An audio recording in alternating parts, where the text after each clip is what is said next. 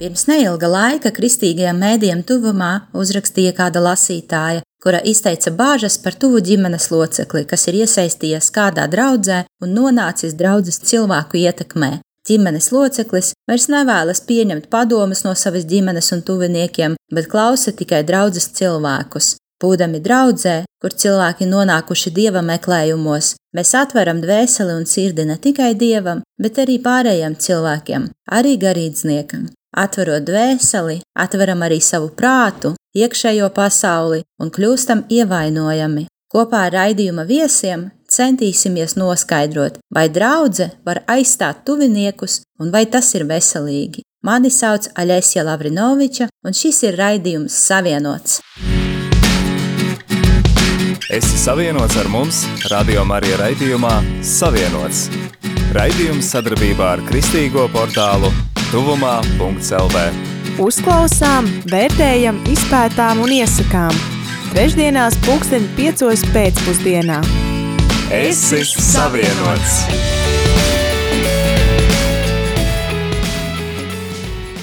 Rubrika Ieklausāmies! Ar tevi raidījums Savienots! Raidījumā savienots kopā ar mums ir Arturs, Diana, Evija un Aigars.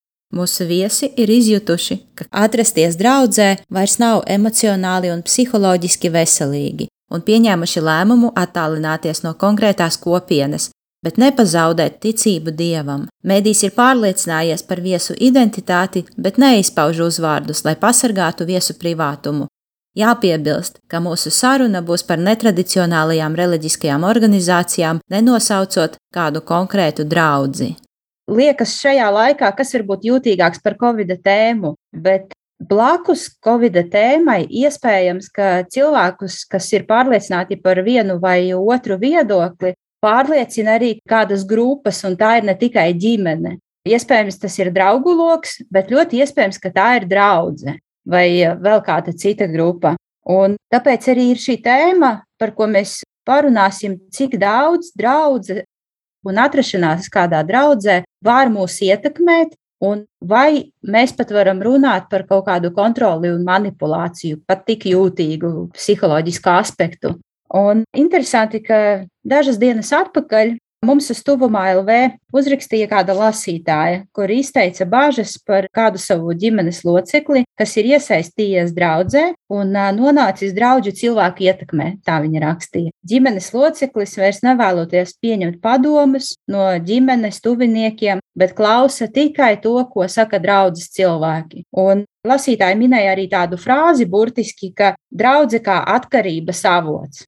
Un domājot par to, Mēs esam šeit cilvēki, kas ir bijuši draudzēs, un iespējams pat varbūt sašaurinot draudzes jēdzienu, mēs runājam konkrēti par kādu brīvbaznīcu un netradicionālu draugu. Un tad es gribētu tādu tēzi minēt, ka katrs cilvēks, kas nonāk draudzē, meklē dievu, un tad mēs atveram dvēseli, sirdi dievam, dievu meklējot, bet arī līdz cilvēkiem, kas ir draudzē un arī garīdzniekam. Un atverot dvēseli, mēs arī atveram savu prātu un savu iekšējo pasauli un tādā veidā kļūstam ievainojami vai vieglāk ievainojami. Tad es gribētu aicināt pārunāt par šo tēmu un padalīties varbūt ar savu pieredzi, neminot kādu konkrētu, varbūt draugu vai reliģisku kustību, un vispirms jautāt, vai kāds no jums, Diana, vai Aigars, vai Arturs, vai Evija, vai jūs varat saprast mūsu lasītājas aprakstīto situāciju, vai tā jums ir pazīstama, jo man personīgi tā ir ļoti pazīstama.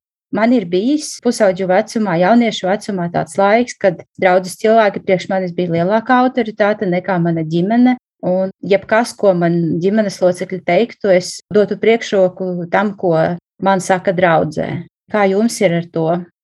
Es varbūt varu nedaudz padalīties. Man ir diezgan līdzīga pieredze kā tev, Aļas. Ja? Es arī tieši pusauģu gados iesaistījos draudzē. Es domāju, ka tas ir vispār jebkurā gadījumā neatkarīgi no tā, vai cilvēks ir iesaistījies draudzē, vai vienkārši meklē kaut kādas atbildes. Tas tieši pusauģu gadi, man liekas, ir tāds ļoti sensitīvs vecums vispār kā tā, kad veidojās personība cilvēkam, un kad viņš meklē, kas viņš ir un kas ir šī pasaule. Protams, ka tad jau uz tiem jautājumiem, nu, vismaz manā gadījumā tā bija, ka uz kaut kādiem man ļoti svarīgiem jautājumiem man tuvinieki nevarēja rast nu, tādas atbildes, kas mani apmierinātu.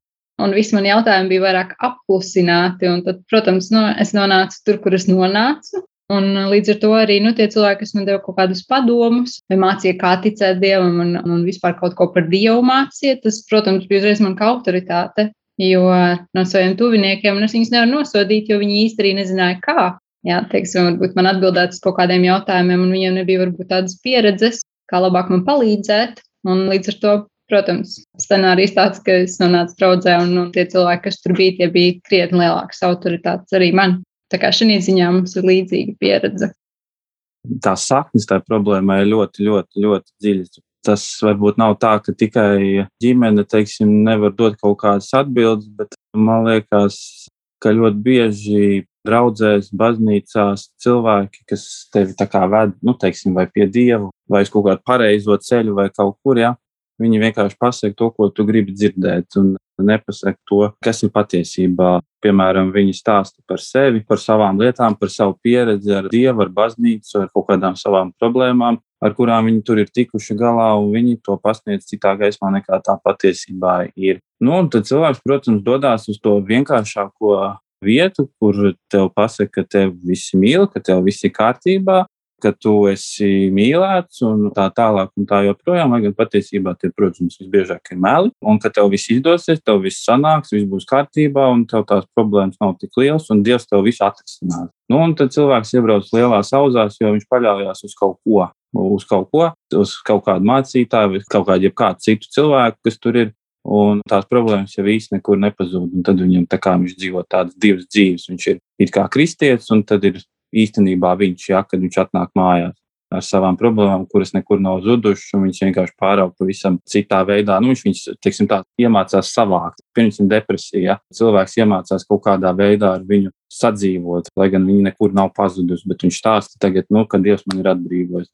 Nu, un tad viņam liekas, ka, nu, jā, nu, re, kur ir tā atbilde, un man vecāki visu dzīvi man ir audzinājuši, un visu dzīvi man ir bijuši blakus, bet neko nav varējuši palīdzēt. Un, re, kur es aizēju uz vienu azartspēļu vietu, un man viss pēkšņi kārtībā. un tad tā uzticība ģimenei, vecākiem un visiem pārējiem pazūd. Un tā atbildība atkal tiek pārlikta nevis uz pašu sevi, bet uz Dievu, kurš it kā visu ir atrisinājis. Tas visbiežāk, tas, ko es esmu novērojis, tas visbiežāk tādā veidā notiek. Un tā tāda vienkārši psiholoģiska manipulācija ar cilvēkiem, dažādu, dažādu teiksim, mērķu vadīti cilvēki to dara, ja, bet tas ir tas, ko es esmu novērojis visbiežāk. Bet man šķiet, ka nav vienmēr tikai tā, ka, piemēram, nu, es dzirdu vienkārši, ka daudz tiek runāts par to, ka kaut ko vecāki nav atbildējuši vai vecāki nav izdarījuši vai teikuši. Domāju, ka ir, protams, arī tādas ģimenes, kur varbūt nav bijuši vecāki, vai tiešām ir bijušas problēmas ar to, bet ir arī ģimenes, kur jaunieši viss viņiem ir bijis kārtībā un viss ir normāli, bet tomēr viņi tāpat pakļaujas šīm manipulācijām, nezinu, vai tā to varētu nosaukt, jo kaut kas tajā vilina ceļš, ja esi ļoti jauns, pusaudzis vai jaunietis, pasmitnieks, varbūt uz 20 gadiem aptuveni. Tev pavērs kaut kādu jaunu pasauli, tu atklāji to visu, un tad šķiet, ka tas ir viss, kam jāskan līdz tāds jaunības maksimālisms, simt procentiem tēt. Man, piemēram, bija tāda situācija, kad es atnācu arī uz draugu, un man vienkārši pateica, ka pirmkārt ir jāklausa tas, ko saka mācītājs. Tāda nu, ģimenē varbūt nav jāklausās, nu, varbūt tik burtiski tā neteica, bet tāda bija tā doma. Un es vienkārši to pieņēmu kā universālu patiesību un vienkārši tā darīju, lai gan nebija tā, ka man vecāki nebūtu autoritāti. Bet tajā brīdī tas mācītājs bija lielāka autoritāte. Tādēļ, ka tajā brīdī kaut kas no tā visa likās fantastisks, ka vienkārši jāskrien maksimāli un jādara. Jā, liels paldies, Artur un Evija. Jūs abi minējāt vārdu manipulācija, un es gribēju iet tādā virzienā, cik vien jūtīgi var runāt par vārdu manipulācija, un jo īpaši kristiešu sabiedrībā, bet Mūsu lasītāji viņa atsaucās uz to, ko mēs kaut kad esam rakstījuši. Viņa gan neminēja, bet mēs eh, ik pa laikam tuvumā publicējam vai nu intervijas, vai kaut kādus rakstus. Un es tagad domājot par to, uz ko viņi varēja atsaukties, kā vienu no iespējām, es atvēru mūsu septembra sākumā publicēto tuvumā.lv portālā interviju ar psiholoģijas studentu Jāni Jākopsonu, kuram es toreiz kā vienu no jautājumiem jautāju tieši, kāpēc viņa prāt ir garīdznieki, runājot par to psiholoģijas tēmu, kas atklāti nicina psiholoģiju un saviem draudzes locekļiem aizliedz doties pie psihologa vai psihoterapeita. Tā ir, protams, viena no jomām, kur garīdznieka autoritāte var mums būt spēcīgāka par to, ko saka ģimenes locekļi un tuvinieki, bet es gribu nolasīt Jāņa atbildi, kas, manuprāt, arī ļoti interesanti un skar mūsu tēmu. Viņš atbildēja tā, būšu atklāts. Es domāju, ka cilvēki, kas tā dara un kas tā māca un kas aizliedz saviem draudzes locekļiem, vispār kristiešiem doties pie psihoterapeita, psihiatra, baidās, ka viņi vairs nespēs kontrolēt, jeb citiem vārdiem sakot, manipulēt savus draudzes locekļus. Un viņš arī tieši to vārdu manipulācija minēja. Un es gribēju jautāt, vai jūs atrodoties draudzē, jūtāt, ka kaut kādā ziņā esat nodevuši daļu savas brīvās gribas un pašnoteikšanās draudzes vadītājiem vai kādiem konkrētiem draudzes locekļiem, jo mēs zinām, ka bez garīdznieka draudzē ir arī vadītāji, grupu vadītāji, teiksim, lai kā viņus sauc, vai līderi. Vai jūs tajā brīdī jūtāt, ka jūs esat daļu savas brīvās gribas deleģējuši, vai tikai atskatoties vēlāk? Un vai jūs jūtāt, teiksim, ka notiek kaut kāda manipulācija? Varbūt neteiksim, ka cilvēki apzināti vēlas manipulēt ar citiem cilvēkiem. Varbūt tas ir neapzināti, bet kā to manipulāciju var atpazīt un vai var atpazīt? Nu, var atpazīt. Pirmais jautājums par to, vai tajā brīdī jutām vai pēc tam tikai es personīgi, nu, ne uzreiz, jā, bet ar laiku, kā, teiksim, daži mēneši laikam bija Un tad es jau sāku jūs, nu jā, kur tu strādā, kad tev ir brīvais laiks, kad mēs varam sazvanīties, lai uzzinātu visu par tevi. Protams, tas tā netika pasniegts, jā, bet nu, tas bija pilnīgi skaidrs. Tas ir kā pārdošanā, ja tev ir problēma cilvēkam kaut kāda, un tad atrodas kāds tirgonis, kas tavu problēmu atrisina vienā vai citā veidā. Un vai viņš ir godīgs vai nē, to tu bieži vien uzzini vai nu sarunas laikā, vai nu pēc tam tikai, kad tu saprati, ka viņš tev ir pārdevis galīgi nederīgu lietu. Nu, draudzēs ne tikai vienā, kurā konkrēti arī mēs bijām, bet arī citās. Tas tā notiek, ka cilvēkiem tiek atrasta problēma kaut kāda, vai tā ir slimība, vai tā ir psiholoģiska problēma, vai tev tur ģimenē nepieņem, vai viss kopā, vai, vai vēl kaut kas, nu, un tad viņi tiek risināts. Un uh, es sapratu, jā, ka mēs tiekam tā kā norobežot no ģimenes, ka ģimenē nevajag klausīties, jo taču Bībelē taču ir rakstīts, ka pasaulīgs cilvēks, nu, ko viņš saprot no garīgām lietām. Un tas ir pirmais jau solis. Pēc tam jau tev vajag taču pareizos draugus. Un pareizie draugi ir kur tikai draudzē. Kāpēc? Tāpēc, ka viņi vienīgie pazīst Dievu, un tie, kas ir ārpus draudzes, tavi draugi, tie nav draugi, bet tie cilvēki, kuri tev ir jādabūs pareizā ceļa. Nu tā, un tad tu tiec tā kā noankurots. Tev vienkārši noankurotajā vietā vienā, un tik tālu to izdara. Nu, par to varētu runāt gari un dikti, jā, tieši par šo tēmu, bet tas tā lielos vilcienos. Un tad ir tā, ka tev jau nav variantu. Tu esi iespējams pat aizgājis no darba, tu esi iespējams zaudējis karjeru, kur es zinu, ka cilvēki tiešām, nu, kuriem bija ļoti laba perspektīva, kuri to zaudējuši faktiski uz mūžu, un tur viņi nevarēs vairs atgriezties. Tu esi zaudējis draugus, tu esi zaudējis nu, faktiski visu, pie kā tu varētu pieķerties. Nu, tad tev paliek palikt draudzē un turēties pie Dieva. Un, ja tev kaut kas slikti iet dzīvē, teiksim, tu sāc uzdot jautājumus, klausies, kāpēc man pasliktinās attiecības ar ģimeni, ar draugiem, kāpēc man darbā pasliktinās lietas, jā, dažādas, kāpēc man neiet dzīvē tā, kā tu teici, ka ies. Un tad parasti sako atbildi, ka tu jau kaut ko nepareizi dari. vai nu tu pamaz lūdz Dievu, vai tu pamaz lasi Bībeli, bet nu, vislielākā problēma ir, ka tu pamaz ziedo. Tas ir tas pamatā, kur ir problēma visbiežāk. Jo kur ir tava manta, tur ir tava sirds, vai ne? Nu, un tad cilvēks ir tādā bezizējā, kur viņam likties, darbu viņam vairs tur nevar būt. Jo ir taču jātaisa biznesa, ir jābūt pašnodarbinātam, pašam savs laiks jānosaka, lai tu varētu tikt uz visiem pasākumiem un, un tā tālāk. Un viss, un tu paliec draudzē, un tu esi tur iemanipulēts. Un tā tas arī notiek. Un tā notiek arī tādās vietās, kur liekas, nu nē, nu tā nevar būt. Es esmu bijis vairākās draudzēs, un es ļoti labi zinu, kas tur notiek un kādā veidā tur notiek. Un to var atpazīt. Nu, grūti tā pateikt, bet teiksim tā, ja tu kādreiz kaut kur neierodies, Nezinu, tas tāds labs jautājums, kā to atpazīt. Es, man, Tad man saņem zvanu. Kāpēc? Nu, jā, tu saņem zvanu, bet Es jā. esmu arī to saņēmusi. Kāpēc tu nebija Ziemassvētku pasākumā, piemēram? Jā, piemēram, vai kāpēc tu nebija? Vai tāds viens no variantiem varētu būt tā. Es gribu kristīties. Kristības, nu, viņš taču ir bezmaksas pasākums, tas ir kā jebkuram. Ja es taču nebiju kādā draudzē vai vēl kaut kur, viņš kaut kur tur neko nemaksā. Un kas notiek? Tev saka, tātad tev ir jāizpilda 36 punkti, lai tu varētu kristīties. Tas ir skaidrs, ka tevi manipulē momentāli. Tāpēc, ka tad, ja tev grib pateikt, lai tu kristītos, tev ir jāatbilst kaut kādiem standartiem.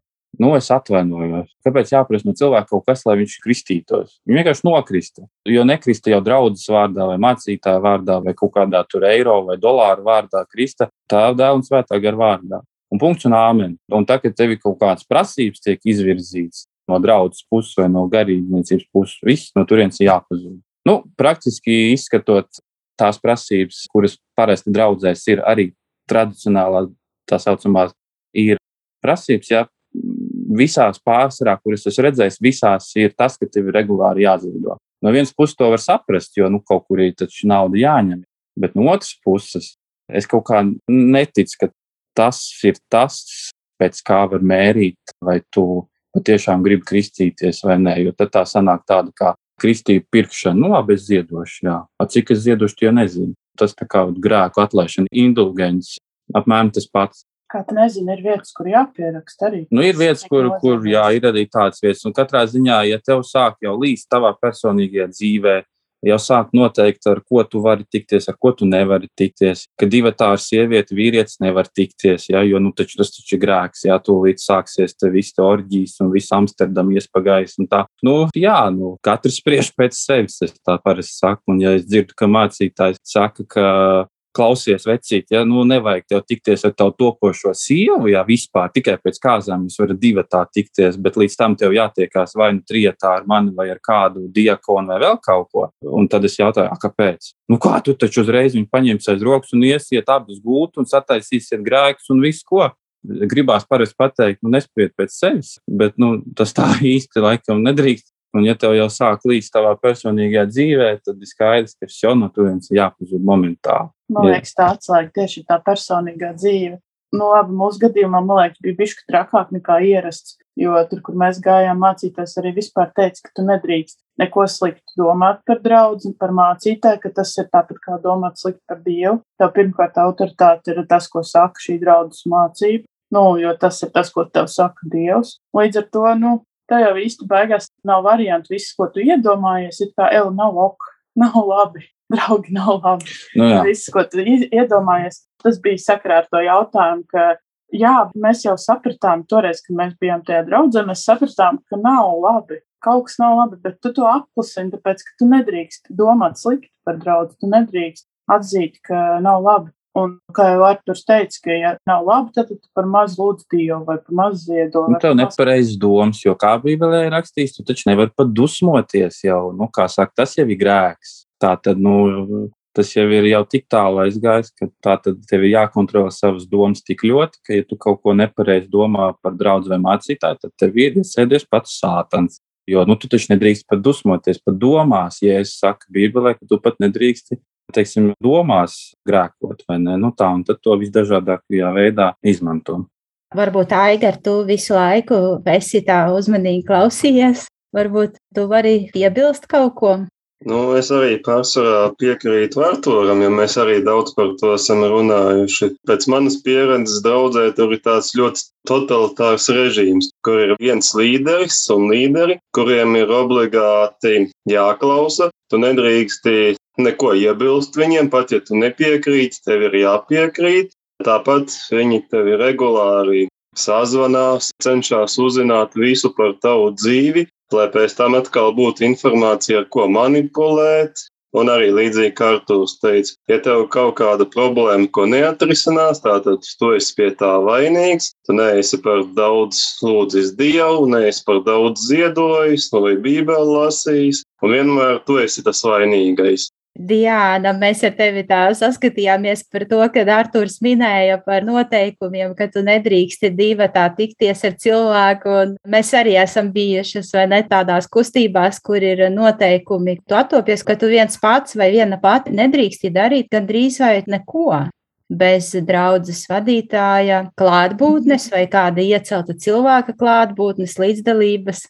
Jā, nu, es patiesībā varbūt piebildīšu tādu vienu gudru domu, ko es pat arī priekš sevis atkodu tieši, kas skar manipulāciju. Nu, teiksim, kā es pati sapratu tos momentus, kad ar mani tiešām manipulē, tas galvenokārt bija tieši bailes un vainas apziņa. Nu, tādas divas lietas, un tas, protams, nu, skar jebkuras manas personīgās lietas, ja kuras, teiksim, kādam līderim bija uzticējusi vai kā. Un, ja es redzu, ka manī mēģina ieviest bailes vai vainas apziņu, nesniedzot man kaut kādu nu, reālu nu, risinājumu, tad es saprotu, nu, ka tur kaut kas nav kārtībā. Jo es domāju, ka tas arī ir tas, ar ko visvairāk manipulē tieši ar bailēm, ka ja tu izdarīsi kaut ko tā un tā, tad uz tevi vairs nebūs dieva svētība. Tad tev vairs nebūs tik labi tur ar draugiem, ar ģimeni, ar naudu, ar biznesu, vienalga.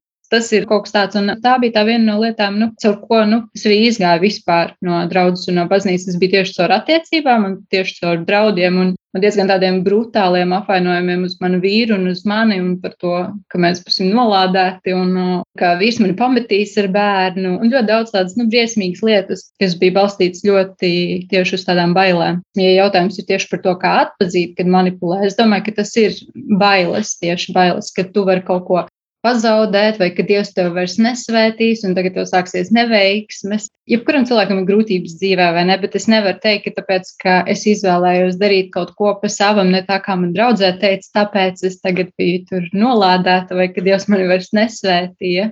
Tas bija tas moments, kad es uzdrīkstējos kaut ko darīt, kā es redzu pareizi, un pārvarēju tās bailes.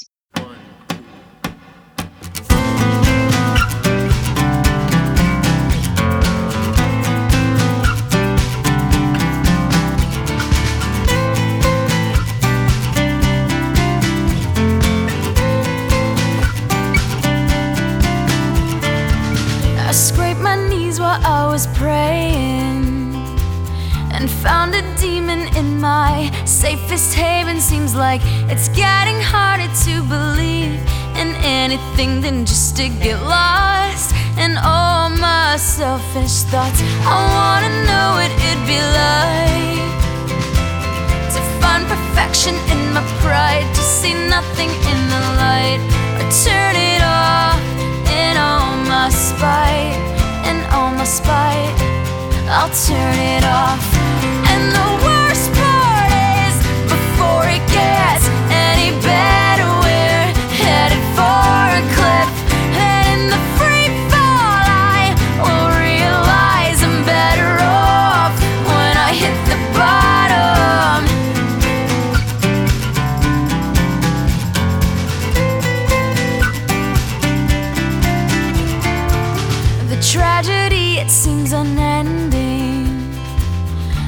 watching everyone I look up to breaking, bending, but taking shortcuts and false solutions just to come out the hero.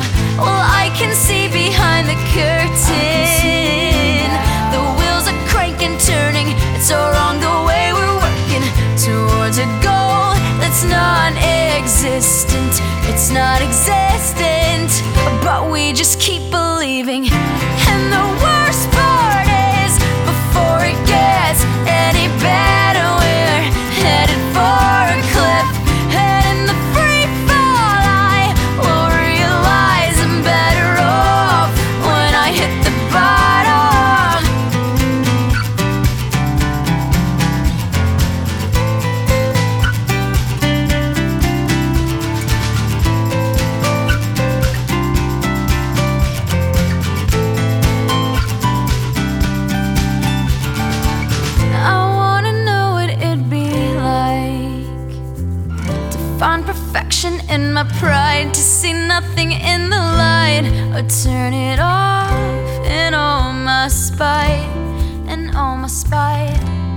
Turn it off, just turn it off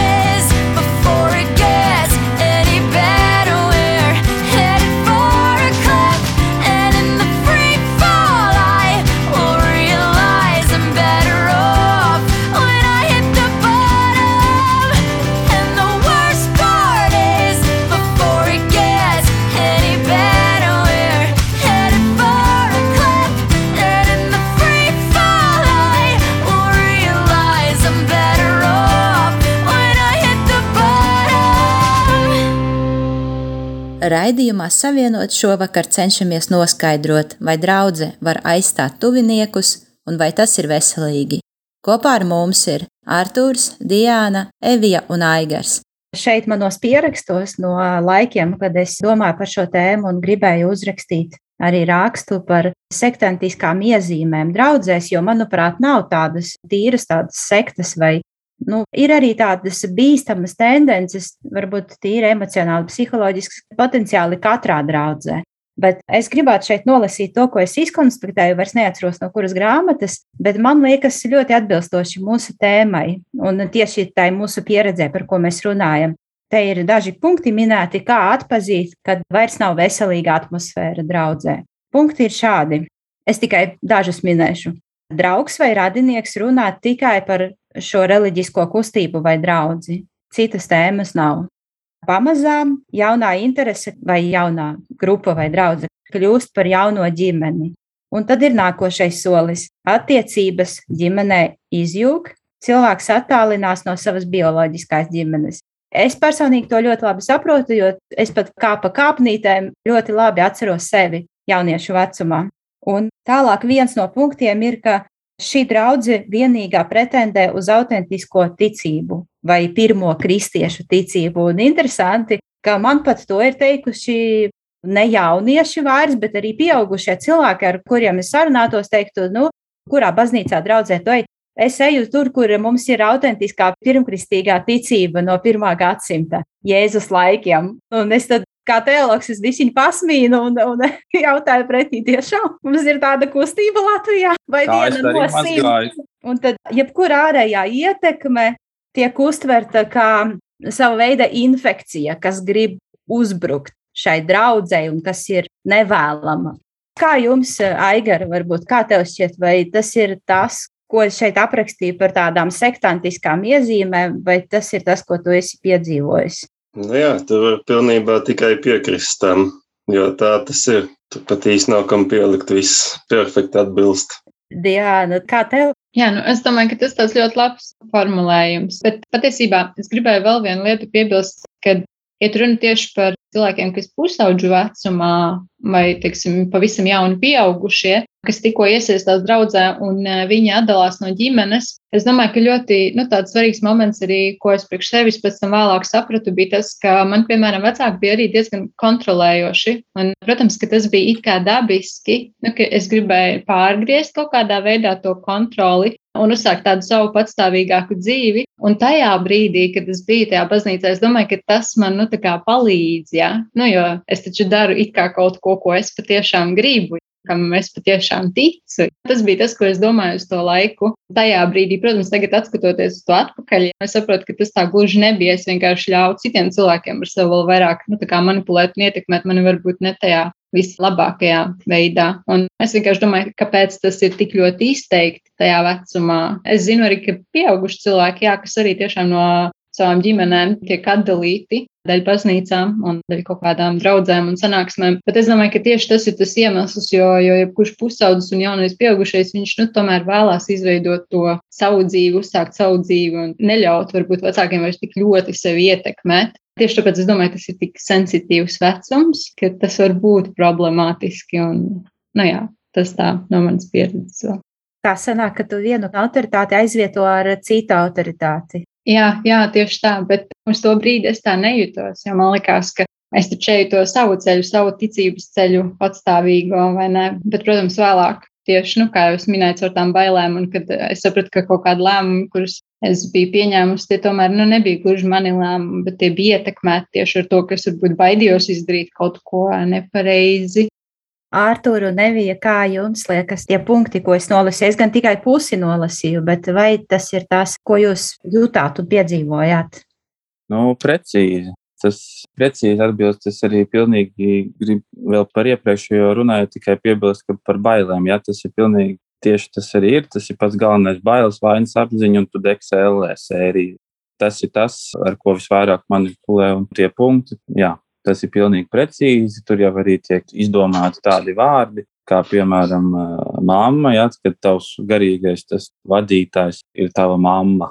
Tēls tā kā retāk, jā, jo nu, tas tā, bet tieši, ja tās vadītājs ir sieviete, nu, vai arī vīrietis, vienalga, tad tas ir kā tēvs vai mamma. Tā viņus arī sauc bieži. Un es varu saprast, ja tas ir cilvēks, kuram nekad nav bijis vecāku neviena vispār dzīvē, viņš ir viens pats audzis kaut kā, es nezinu, bērnamos vai kāds tieši notiek, bet nu, ka nav ko saukt par māmu vai tēvu, nu, to var it kā saprast. Bet, tad, kad cilvēks nāk no tādas ģimenes, kur ir vismaz viens vecāks vai abi vecāki, un ka tu jau sāc saukt savu to garīgo varmāku par māmu, nu, tad tas jau ir tā teikt, nu, līmenis. Tas ir līmenis, jā. Un tā notiek draudzēs. Tā ļoti, ļoti, ļoti bieži notiek. Un, un ja dzird arī tādus tekstus, ja, kad vai mamma, ja mana mamma, garīgā mamma, ja, un tad tas saīsinās uz tikai mammu. Vai mana mamma, mans tēvs, mans tēvs, mans garīgais tēvs, ja tas ir pilnīgi garām.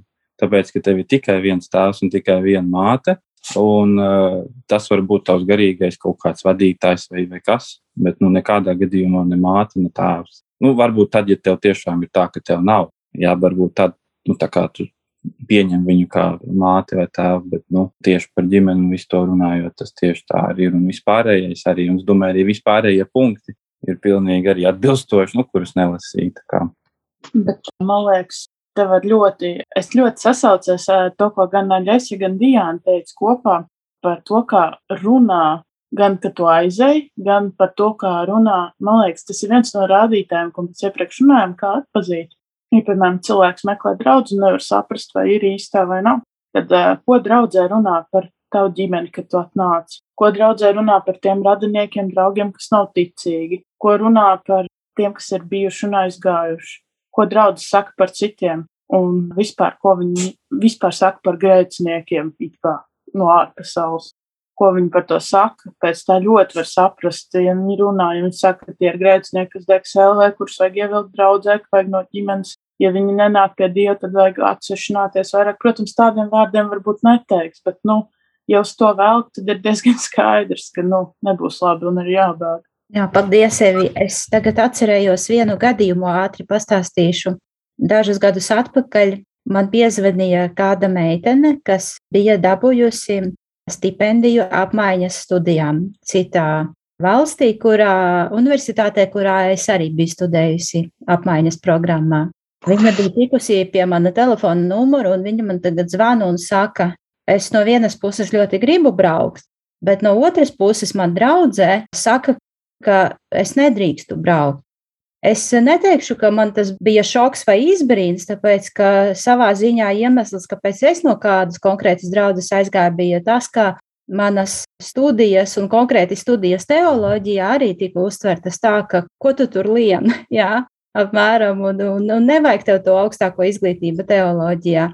Un es viņu sapratu tādā ziņā, es tikai nesapratu, kāpēc cilvēks nevar, ja viņa jau studē, kāpēc viņa pēkšņi nevar braukt apmaiņas programmā. Un tad viņa teica, ka nu, pirmkārt tā būs viņas atdalīšanās no draudzes ja, šeit Latvijā, un otrkārt viņi baidās, teiksim, ko viņai tur samācīs, varbūt, ka viņa tur zaudēs ticību, un viņa burtiski izsakoties teica, ka man draudzē, draudzes autoritāte saka, varbūt, ka es būšu kā sapuvi sābos, kas pēc tam visu to, visu draudzi, ja, pēc tam nu, sabojās. Un tāpēc arī tieši paturpinot šo tēmu par bailēm, tieši tādā valodā, minot konkrētu piemēru pavisam, tādā veidā es arī dzirdēju par manipulāciju, ja, ja to tā var nosaukt, un visticamāk, ka to tā var nosaukt arī.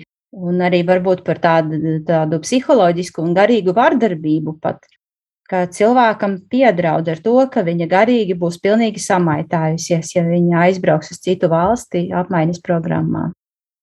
Mēs tikpat uz koncertu neaizgājām. Es atceros, tāpēc, ka viņš iekrita sēdienā, jau sen bija nopirkts biļetes. Un mēs tieši sākām iet draudzē kādus divus mēnešus, un mums nu, nebija tā, kas pieder varu, bet, nu, iemanipulēja ar domu, ka, nu, paši izlemiet, bet, nu, visu laiku jau stāstīja, ka jābūt uz dievkalpojumu, nedrīkst atdalīties no draudzes. Un es atceros, manai mammai tas koncerts bija svarīgs ļoti. Un uh, es domāju, viņa vēl joprojām, un es arī vēl joprojām atceros, ka mēs neaizgājām uz to koncertu.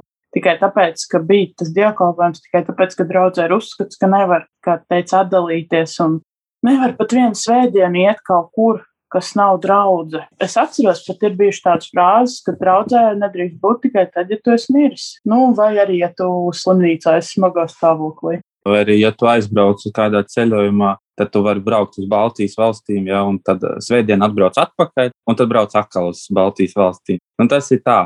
Draudz ir dieva vietā, tā teikt. Dieva vietā ir draudz. Un cilvēkam, lai viņš būtu ar dievu, viņam starpnieks nevajag. Un to saka gandrīz visi mācītāji, nu tā teikt, jā, mācītāji, jā, jo kaut ko jau viņi māca. Tā jau saka lielākā daļa no viņiem, bet reāli viņi paši ir izveidojuši organizācijas, kas ir šie nu, starpnieki starp dievu un cilvēku. Jo tā ir kaut kādai komunai, draudzē, kaut kam it kā ir jābūt, tas ir normāli, un jēzus laikā arī tādas lietas bija. Bet tas ir svarīgāk par tavām attiecībām ar Dievu, ja, nu, Tas ir, tas ir skaidrs, ka tur ir nevis dievs tajā draudzē, bet cilvēks ir tajā draudzē. Respektīvi, nu, mācītājs ir tajā draudzē, pats pats galvenais. Un tā kā man patika, viens bīskaps teica, nu, ja tu kādu Bībeles vietu nevar savilkt kopā ar evaņģēlīju, kā tas attiecās uz evaņģēlīju, tad tu īsti neesi sapratis Bībeli. Kristiešiem galvenais ir nevis tagad parādīt, cik es esmu krūts un, un ka es esmu kristietis un tā tālāk, bet galvenais cilvēkiem ir redzēt tevī Dievu. Tā kā tev ir tas Dievs, ka tev ir mīlestība, ka tu esi piedzimis vai no augšas, vai kā citādi to sauc, un nevis tagad vilkt uz kaut kādu draugu vai vēl kaut kur. Cilvēkiem ir vienkārši jāredz, ka tu esi sastapies ar kaut ko, ar ko nu, varbūt liela daļa nesastopās vai atsakās sastapties. Nevis tagad jāstāsta, ka, teiksim, rekuri draugi nāca uz draugu, un tas ir vienīgais glābiņš, un no laiva jau un tā tālāk. Bet tas jau saskars tieši ar mūsu tēmu par to ģimeni, par ko ir runa kas sanāk, ka beig beigās tas mācītājs, tas pasākums, vai tas dievkalpojums ir svarīgāks par visu, par taviem vecākiem, par bērniem, par vīru, par sievu. Tev viss ir jāatstāj, viss jāpamet, jāskrien tikai uz to pasākumu. Tā bieži notiek. Diana teica jau, ka aizgāja no tās konkrētās draudzes, vai Artūru, un Eviju un Aigaru jūs aizgājāt, un cik viegli jums bija aiziet, jo, ja mēs paturpinām varbūt neveselīgas tendences kādā grupā, Un Aigars salīdzināja tādu vietu ar totalitāru sektu, pat vai totalitāru grupējumu. Tad eh, mēs zinām, ka no totalitārām grupām ļoti grūti ir aiziet prom. Un ir tādas arī sektas, no kurām tiešām ir pavisam grūti aiziet, ja ne neiespējami, jo cilvēkam jau nav kur vairs. Vai jūs esat aizgājuši un kā jums cik viegli vai cik eh, izaicinoši bija atstāt šo grupu vai draudzi vai vietu, Un varbūt pie reizes, tad, tuvojoties noslēgumam, varbūt jums ir kādi ieteikumi, varbūt kāds mūs klausās, un varbūt kādam no klausītājiem ir ģimenes loceklis, vai bērns, vai labs draugs, vai kāds cits tuvinieks, kas ir iesaisties tādā neveselīgā kustībā, kur ļoti iespējams varbūt ar viņu notiek kāda manipulācija, kā mēs te pieminējām. Un ko jūs ieteiktu? Ko var darīt šajā situācijā un kā var iziet un atrast sev veselīgu draugu? Pirmais jautājums bija par to, vai mēs tur vēl esam ja, tādās vietās. Tad var teikt, ka nē, jo nu, vienkārši mēs sapratām, kas notiek. Mēs jau sapratām diezgan agri, diezgan agri, bet nonācām līdz tam, lai no turienes aizietu. Tas viss sākās ar to, ka tas cilvēks, kas agrāk bija autoritāte, vairs nav autoritāte. Un uh, tu sāc pats priekš sevis būt autoritāte. Nu, tas bija manā gadījumā, piemēram, ja, ka tu pats patstāvīgi pieņem lēmumus par savu dzīvi un saproti, ka šeit ir teātris, kas arī īstenībā ir viena no lietām, par ko vispār, nu, kādreiz vispār var runāt, ka tur notiek teātris, ja, burtiski, ka daudz lietas, ko stāsta, tās ir, nu, varbūt ne meli, bet pievilktas lietas, ja, ka tā īsti nav, ka cilvēks tagad ir brīvs un vesels un tā tālāk. Bieži tā ir ļoti bieži. Tā ir. Pats pēc sevis to arī zina, jo tev taču jābūt tīram un visam jābūt kārtībā tavā dzīvē. Un uh, pats svarīgākā lieta, laikam, ir, ka tev ir kaut kas ārpasaulē, kaut viens cilvēks, ar kuru tu vari kontaktēties, kurš tev neko nepārmet, kurš tev nesaka, ai, kā tu tā tur nonāci, ai, kā tad šitā, ja, ko tu, tu tur dari, kas tev vispār galvā, ja, kurš vienkārši ar tevi, nu, tā kā ir, ja, kā Jēzus sēdēja pie galda ar, ar muitniekiem un citiem. Neko nepārmetot, neko nesakot vispār sliktu. Varbūt pat vispār nerunājot par to draugu. Vienkārši esot. Un tas bija manā gadījumā tas ieteikums. nu, ja kāds redz, ka cilvēks ir kaut kādā tādā vietā, ja, ka viņš nes visu ārā no mājas jau un pārdot, un visu ir gatavs sadot, visu savu dzīvi, karjeru, mācības, studijas, visu, tad pirmais ir, ir neko nepārmest tam cilvēkam un neteikt, tagad, nu, cik slikti un tagad tur, ko tu dari un tā tālāk. Tad ir svarīgi uzzināt, vai tiešām ir tik traki. Jo bieži ir tā, ka cilvēkiem vienkārši nepatīk, ka kāds tic un kaut kur iet. Tādā gadījumā, ja tiešām ir tik traki, kā liekas, ka tā ir kāda sekta vai kāda tāda vieta, kur ar cilvēkiem manipulē un iznīcina visu dzīvi, tad jā, tad vienkārši ir jābūt ar to cilvēku un nu, jāparāda, tā kā es nezinu, ar savu piemēru kaut kādā ziņā, vai vienkārši ir jābūt ar to cilvēku blakus un kopā un ar laiku. Viņš varbūt sāks tev uzdot kādus jautājumus, ar laiku viņš sāks tev uzticēties vairāk nekā tam cilvēkam, kurš ir viņu dabūjis iekšā tajā organizācijā. Nu, un tad izveidosies tāds kā tiltiņš, un varbūt tad ir cerība, ka tas cilvēks nu, pamazām, pamazām aizies, bet tas noteikti aizņem laiku. Tāpat kā okupēt Krimu nevarēja vienā dienā, tāpat arī nu, cilvēku tu nedabūsi ārā. Tur vajag tādām metodēm, lēnām, pakāpeniski. Varbūt tas būs gads, divi, varbūt pat vairāk, varbūt ātrāk. Tas pirmais ir nepārmest, un otrais ir pacietība, laiks un būt ar to cilvēku vienkārši kopā. Man liekas, tā ir ļoti laba atslēga. Ja grib kādu tieši radinieku, nu, vai kādu tuvu cilvēku tiešām grib dabūt ārā, vispār nevajag neko, pat vienu vārdu slikti teikt par to vietu, bet vienkārši vienmēr būtu kaut kāds, Ārturs teica, atbalsts tam cilvēkam.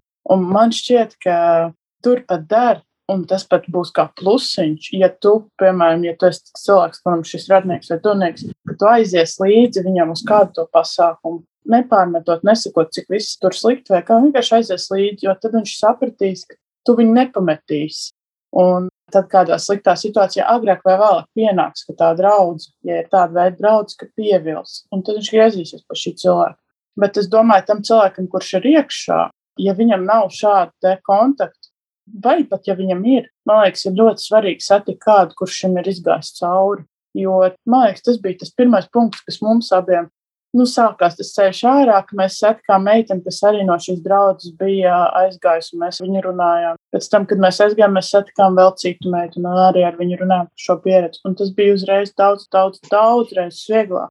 Jo mēs zinājām, kam tas cilvēks izgājis cauri, un tās meitenes izstāstīja visu, kā tas viss un kā notika. Un tas uzreiz mums palīdzēja, un, protams, tas, ka mēs abi kopā gājām ar Artūru. Nu jā, tas bija tas ļoti liels atspējs, jo tad bija vieglāk radīt to visu vidi, lai vispār aizietu. Mēs līdz pēdējiem brīdim tajā draudzē mēs slēpām savas tās izjūtas. Mēs vienkārši vienā dienā aizgājām ar cirvi nocērtot visu. Bet tā bija vieglāk, jo ja mēs zinām, ka mēs sāksim pamazām, pamazām, tad mums nekad neatlaidīs vaļā. Mēs vienkārši ar cirvi nocirtām, un man liekas, ka tā ir daudz labāk. Un tiem cilvēkiem, kas ir vieni, es zinu, ir cilvēki, kas grib tikt no draudzēm ārā, ja kāds mums, piemēram, ir bijis, ka mums uzraksta kāds cilvēks personīgi, mēs nekad viņam neatsakām satikties, nekad neatsakām parunāties, tāpēc, ka tas var būt tā viena tikšanās, tā viena saruna viņam var būt izšķirošā, palīdzēt tikt ārā, nu, reāli, kā no varmācīgām attiecībām. Galvenais arī ļoti svarīga lieta, kas ir, ko Diana arī teica par bailēm, ka nevajag baidīties aiziet, nevajag baidīties no lāsta. Nu, teiksim tā, tas ir normāli baidīties, bet, nu, nevajag klausīt tām bailēm. Jo mūsu gadījumā bija tā, ka tur nolādēja jau pilnīgi. Bija lāsti, un tu esi no vīna koka nogriezts zars, un tā tālāk, un kā tu tā, un kas tu vispār esi. Un, Tad tur sākās, man pat ir saglabāts. Tas nav tā ļaunprātīgi. Tas ir vienkārši, nu, kā saka, mums ir okupācijas muzejs, vai ne? Nu, man ir tāds muzejs. Man ir saglabāts dažādas ziņas, kādas man tika sūtītas arī par to, ka teiksim, kas man iekrita visvairāk atmiņā, ka cilvēks pateica, kas pirms tam bija ļoti draudzīgs un tā, ar kuru mums bija labas attiecības, un mums pat bija kalpošana kopā. Viņš pasaka, nu, ka es pasludinu tavu bojājēju. Nu, ar tādiem vārdiem, un ne jau privāti, bet vēl publiski to pasakot. Nu, tā. Un tādi teksti, dažādi, ļoti daudz un dažādi teksti ar lāstiem, ar dažādām lūkšanām. Es zinu, ka tika sastādīti saraksti arī ar cilvēkiem, kas ir runājuši slikti par draugu, un draudzes priekšā, kā tādos rituālos, sātaniskos, tā lapa ir vienkārši tikusi saplēsta, vai arī nu, kāds ir to gribējis izdarīt, varbūt to nav izdarījis. Es neesmu drošs, vai tas tā notika, ja? bet uh, es zinu, ka tādas lietas bija un ka tas viss tika darīts un tika lūgts un nolādēts un tā tālāk. Un Un no tā nav jābaidās, jo nu, Dievs nav mazais bērns, un kaķa lāsta debesīs nekāp. Un, ja tu neko neesi izdarījis, nu, teiksim, tā, nu, ļaunu kaut ko, ja tā, ka speciāli, ja tā ir draudzē, vai, nu, kā, cit, citreiz tā ļaunu grib kaut ko izdarīt, nu, tad vispār nav par ko uztraukties. Un, ja arī tu esi izdarījis, tad vienkārši nožēlo un viss un atstāj to dievu rokās un vienkārši aizej prom no turienes. Nocērt ar cirvi un iemet ugunī un viss. Paldies, Diana. Varbūt tev ir kāds ieteikums, un kā tev izdevās aiziet mierīgi vai nemierīgi? Nu, man aiziešana arī nebija mierīga ar tādu skaļu blīkšķi, jo es negribēju precēties. Tā kā manā draudzē bija pieņemts precēties, un, un, un negribēju iet kursos pirms laulību un, un, un, un tā. Bet bija nu, tādi ļoti daudz nepatīkamu momentu tieši ar tādiem ļoti nu, daudz personīgiem apvainojumiem. Ja kā jau tur minēja, man arī teica, ka es būšu kā pazudusi aus no ganām pulka un kā tad es varēšu izdzīvot. Un, protams, arī nu, daudz tādas tiešām ļoti, ļoti nejaukas tādas lietas, jā, kā lāsti un apvainojumi un kā man viss neizdosies un, un, un nu, nepatīkamas lietas. Bet tas, ko es gribu pateikt, jā, nu, ka tiešām nevajag baidīties, pieņemt tādus patstāvīgus lēmumus, un nevajag baidīties arī būt vienam uz kādu brīdi. Jo patiesībā tas, ko es gribētu teikt, nu, ja teiksim, tagad ir kāds cilvēks, kurš apsver tādu domu, ka viņam nav vairs ne ģimenes īsti, jā, un viņš ir draudzē, kurā viņš arī vairs nejūtās kā ģimene. Es domāju, ka nevajag baidīties arī no vientulības uz kādu īsu brīdi, kas ir pat labi. Un uh, es arī izgāju tādam periodam, kur es jutos, nu, viena, ka man nebija īsti neviena tuva cilvēka, ar kuru parunāt, bet man bija laiks pārdomāt ļoti daudzas nu, tādas nopietnas lietas, kam es ticu, kas ir tas, kam patiešām es ticu, kas ir tas, kā es gribētu dzīvot, ja izsvērt tieši to, kas man liekas labs un slikts un kur es gribētu tālāk virzīties savā dzīvē. Un pēc tam otrs noteikti ir arī nebaidīties atjaunot kaut kādus kontaktus ar cilvēkiem, jo tā var likties, ka tad, kad tu esi bijis draudzē un ka tev varbūt ilgu laiku stāsta, cik vispārējie cilvēki, kas ir neticīgi, kādi viņi tur ir satanisti vai, nu, es nezinu, nu, kaut ko sliktu, ja runā par tiem cilvēkiem, kas ir neticīgi. Nu, tā jau nav. Mēs visi esam cilvēki un mums visiem ir kaut kas labs un varbūt netik labs, bet ja mums ir bijuši kaut kādi draugi un ģimene, es domāju, ka Nedaudz no tiem cilvēkiem gribētu ar mums atjaunot attiecības, un es domāju, ka tad nu, nebaidīties iet nu, uz kontaktu ar tiem cilvēkiem.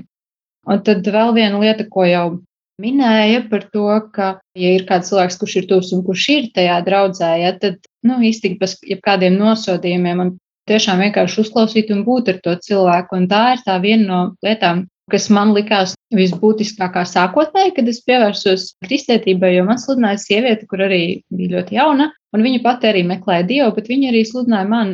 Un tā īpašība, kas viņai bija tieši tā, ka viņa nenosodīja, un viņa lieliski prata uzklausīt, vienkārši uzklausīt. Un tas bija principā iemesls, kāpēc es vispār pievērsos ticībai, bet tad tas aizgāja kaut kur ne tur, kur vajag.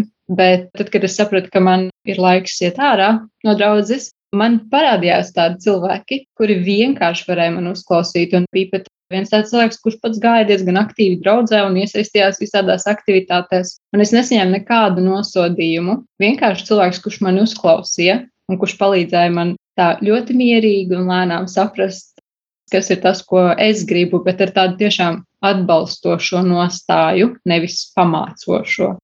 Paldies, Aigar. Varbūt tu vari piebilst, vai tu esi izgājis ārā no šīs kustības, un vai tev bija viegli, un varbūt Jā, ir tev kāds ieteikums. Jā, es esmu izgājis jau labu laiku atpakaļ. Nu, manā gadījumā tas bija vieglāk kā citiem, jo es biju draudzē samērā nērts cilvēks, jo es slikti pakļāvos viņu manipulācijām, bieži runāju pretī līderiem. Tas viņiem nepatika tāpēc mani tā viegli palaida. Nu, vismaz tā. Tur nesakoja, nemēģināja pierunāt, palikt, vienkārši pateica aizēju. Viņa teica, labi, viss čau. Bet nu, ieteikums tiem, kas tur ir, galvenais ir nebaidīties, jo viņi te visu laiku baida. Tikko kā tu kaut ko pasaki vai sāc domāt ne tā, kā viņiem patīk, viņi pasaka, tev notiks kaut kas slikts, ja tev kaut kas notiek slikts, tad tas ir tāpēc, ka tu runā slikti par draugu vai runā pretī. Tev kaut kas, nezinu, ciet, piemēram, avārijā, tev pasaka, tas ir Dieva sots par to, ka tu gribēji vai nu izstāties no draudzes vai runāji pretī. Nu, galvenais ir nebaidīties, jo nu, Tie ir tikai viņa izdomātie lāsti un bailes, lai ar tevi manipulētu. Tur vienkārši tad ir jāsaņemās un jāpārvar tās bailes. Paldies jums liels par sarunu. Nobeigumā es gribu uzrunāt klausītāju, kas mūs ir klausījies, un ja tu pazīsti kādu cilvēku, varbūt tavu tuvinieku vai draugu, un varbūt tu vēlies mūs sakontaktēt, un konkrēti, varbūt tu vēlies ne tikai tuvumā mēdīju sakontaktēt, bet, teiksim, varbūt tu gribi satikties vai uzrakstīt kādam no mūsu diskusijas dalībniekiem, teiksim, Diānai vai Aigaram vai Artūram vai Artūra sievai Evijai, tad es eh, gribētu aicināt tevi atrast Facebookā mēdīju tuvumā LV un uzrakstīt mums vēstulīti. Un, ja tu vēlies parunāt, teiksim, vai ar mani, vai ar Diānu, vai ar Aigaru, vai ar Artūru, vai ar Eviju, vai vienkārši uzrakstīt mums par šo situāciju, varbūt, ka mēs varam kaut kā palīdzēt, vai ieteikt, vai satikties, tad laipni lūgti mūs sakontaktēt. Tātad tuvumā.lv, un tur ir mūsu kontakti, un arī Facebookā mūs var atrast, teiksim, galveno tuvumā LV redaktoru Augustu Kolmu. Es saku jums lielu paldies par uzdrīkstēšanos, par jūsu drosmi, par jūsu nebaidīšanos, runāt par mūsu tik jūtīgo tēmu, Es ceru, ka kādam klausītājam šis varbūt palīdzēs, varbūt kādam tuviniekam palīdzēs, varbūt vienkārši palīdzēs aizdomāties par to, ka ne viss ir zelts, kas spīd sākumā, un ka mums ir jāturās pie dieva, nevis varbūt pie kāda cilvēka konkrēti vai pie kādas organizācijas.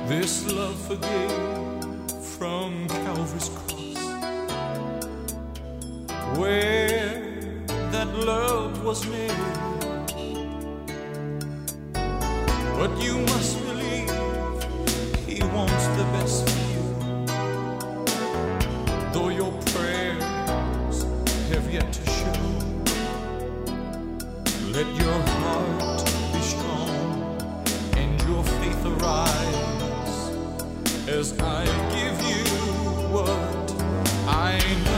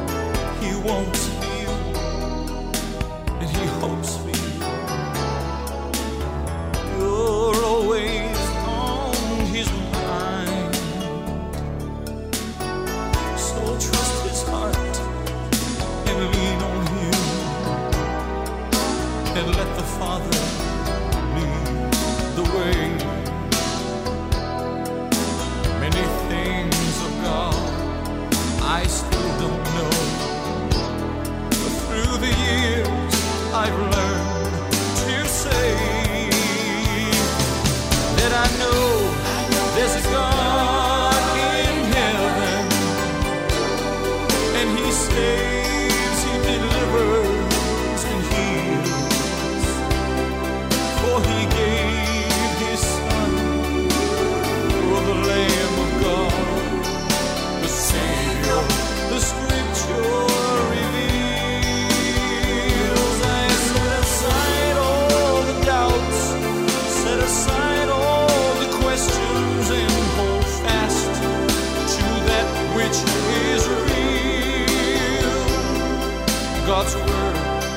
not sway.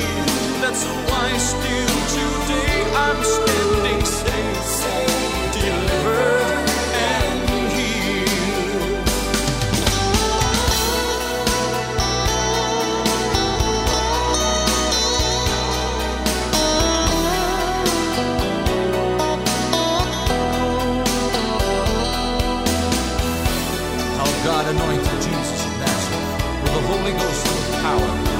about doing good and healing all who were oppressed of the devil. For God was with him, and God is with you. That's why I can say that I know there's still a God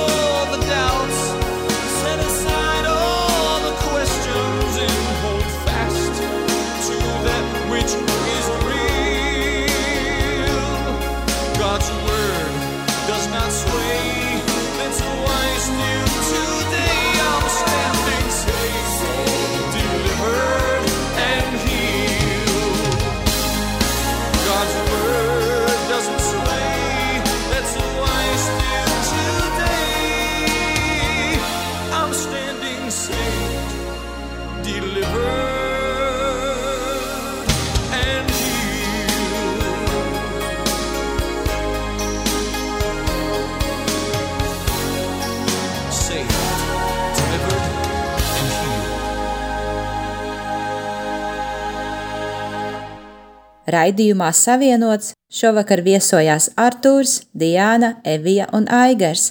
Raidījums skan katra mēneša 2. un 4. trešdienā.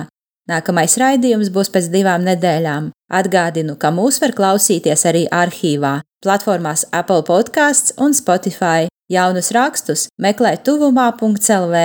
Kopā ar jums biju es, Aļesija Lavrinoviča, un šis bija Savienots. Tu klausījies raidījumu Savienots. Būsim atkal ēterā trešdien pulksten piecos pēcpusdienā. Klausies mūsu radio Marija un lasi kristīgo portālu tuvumā.clv. Esi savienots!